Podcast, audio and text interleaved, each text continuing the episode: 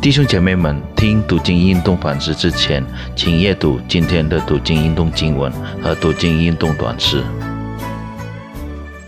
主内的弟兄姐妹们平安，非常的感恩，今天我们有机会一起来学习神的话语。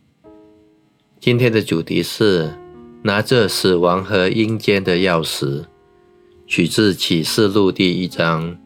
我们先一起祷告，慈爱的天父，感谢你的恩典和保守，感谢你赐给我们新的力量和新的一天。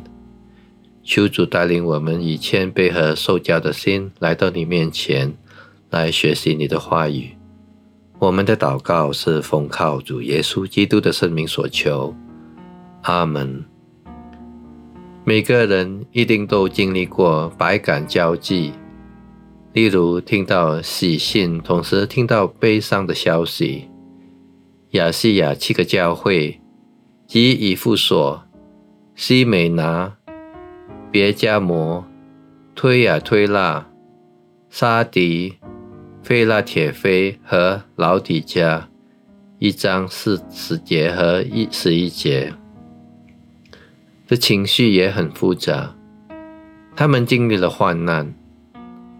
就像被流放到拔摩岛的使徒约翰一样，即使如此，他们仍然忠心并顺服基督。第一章第九节，他们面对攻击他们信心的敌人，即以巴比伦为象征的罗马统治者。十六章十九节，十七章五节，十八章二十二十一节。以从海中出来的兽为象征敌基督，十三章一到十节；从地中出来的兽所象征的假先知，十三章十一到十八节。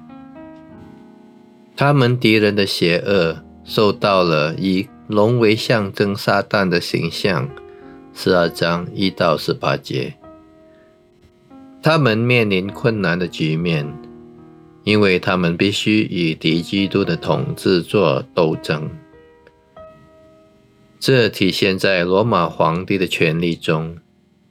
因为他们的信心，他们拒绝敬拜皇帝，让他们的生命处于危险之中。他们的恶上写着复合基督的名字，十四章一节，而不是敌基督的名字。十三章十六节，十四章九节，十七章五节。他们不能买卖，所以他们变得贫穷。他们受到逼迫，因为他们的信心仍然专注基基督。第二十章四节，这就是他们所面临的生活现实。在艰难的挑战中。上帝的话临到他们，不要惧怕，我是首先的，我是幕后的，又是那存活的。我曾死过，现在又活了，直活到永永远远，并且拿作死亡和阴间的钥匙。第一章十七下半节到十八节，他们的信心再次得到坚固。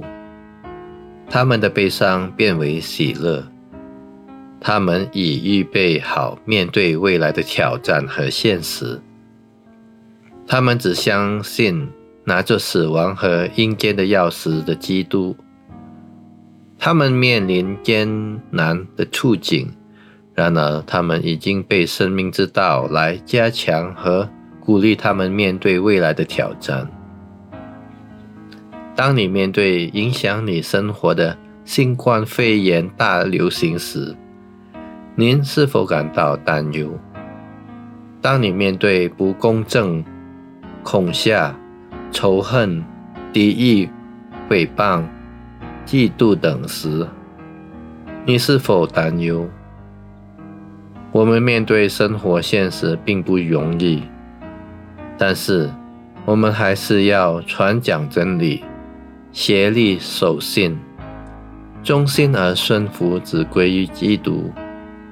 他已经胜过了罪和死亡的权势，所以他能够使我们在任何挣扎中得胜。我们一起祷告，慈爱的天父，我们非常的感恩，今天你的话语在坚定了我们的信心。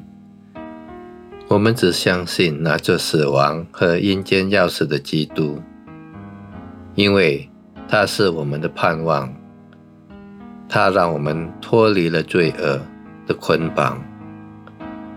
我们把以下的生活交托于主的掌管之中，求圣灵带领我们每一个弟兄姐妹们来依靠神的话语而活着。我们的祷告是奉靠主耶稣基督的生命所求。阿门。祝大家有一个愉快的一天，上帝祝福大家。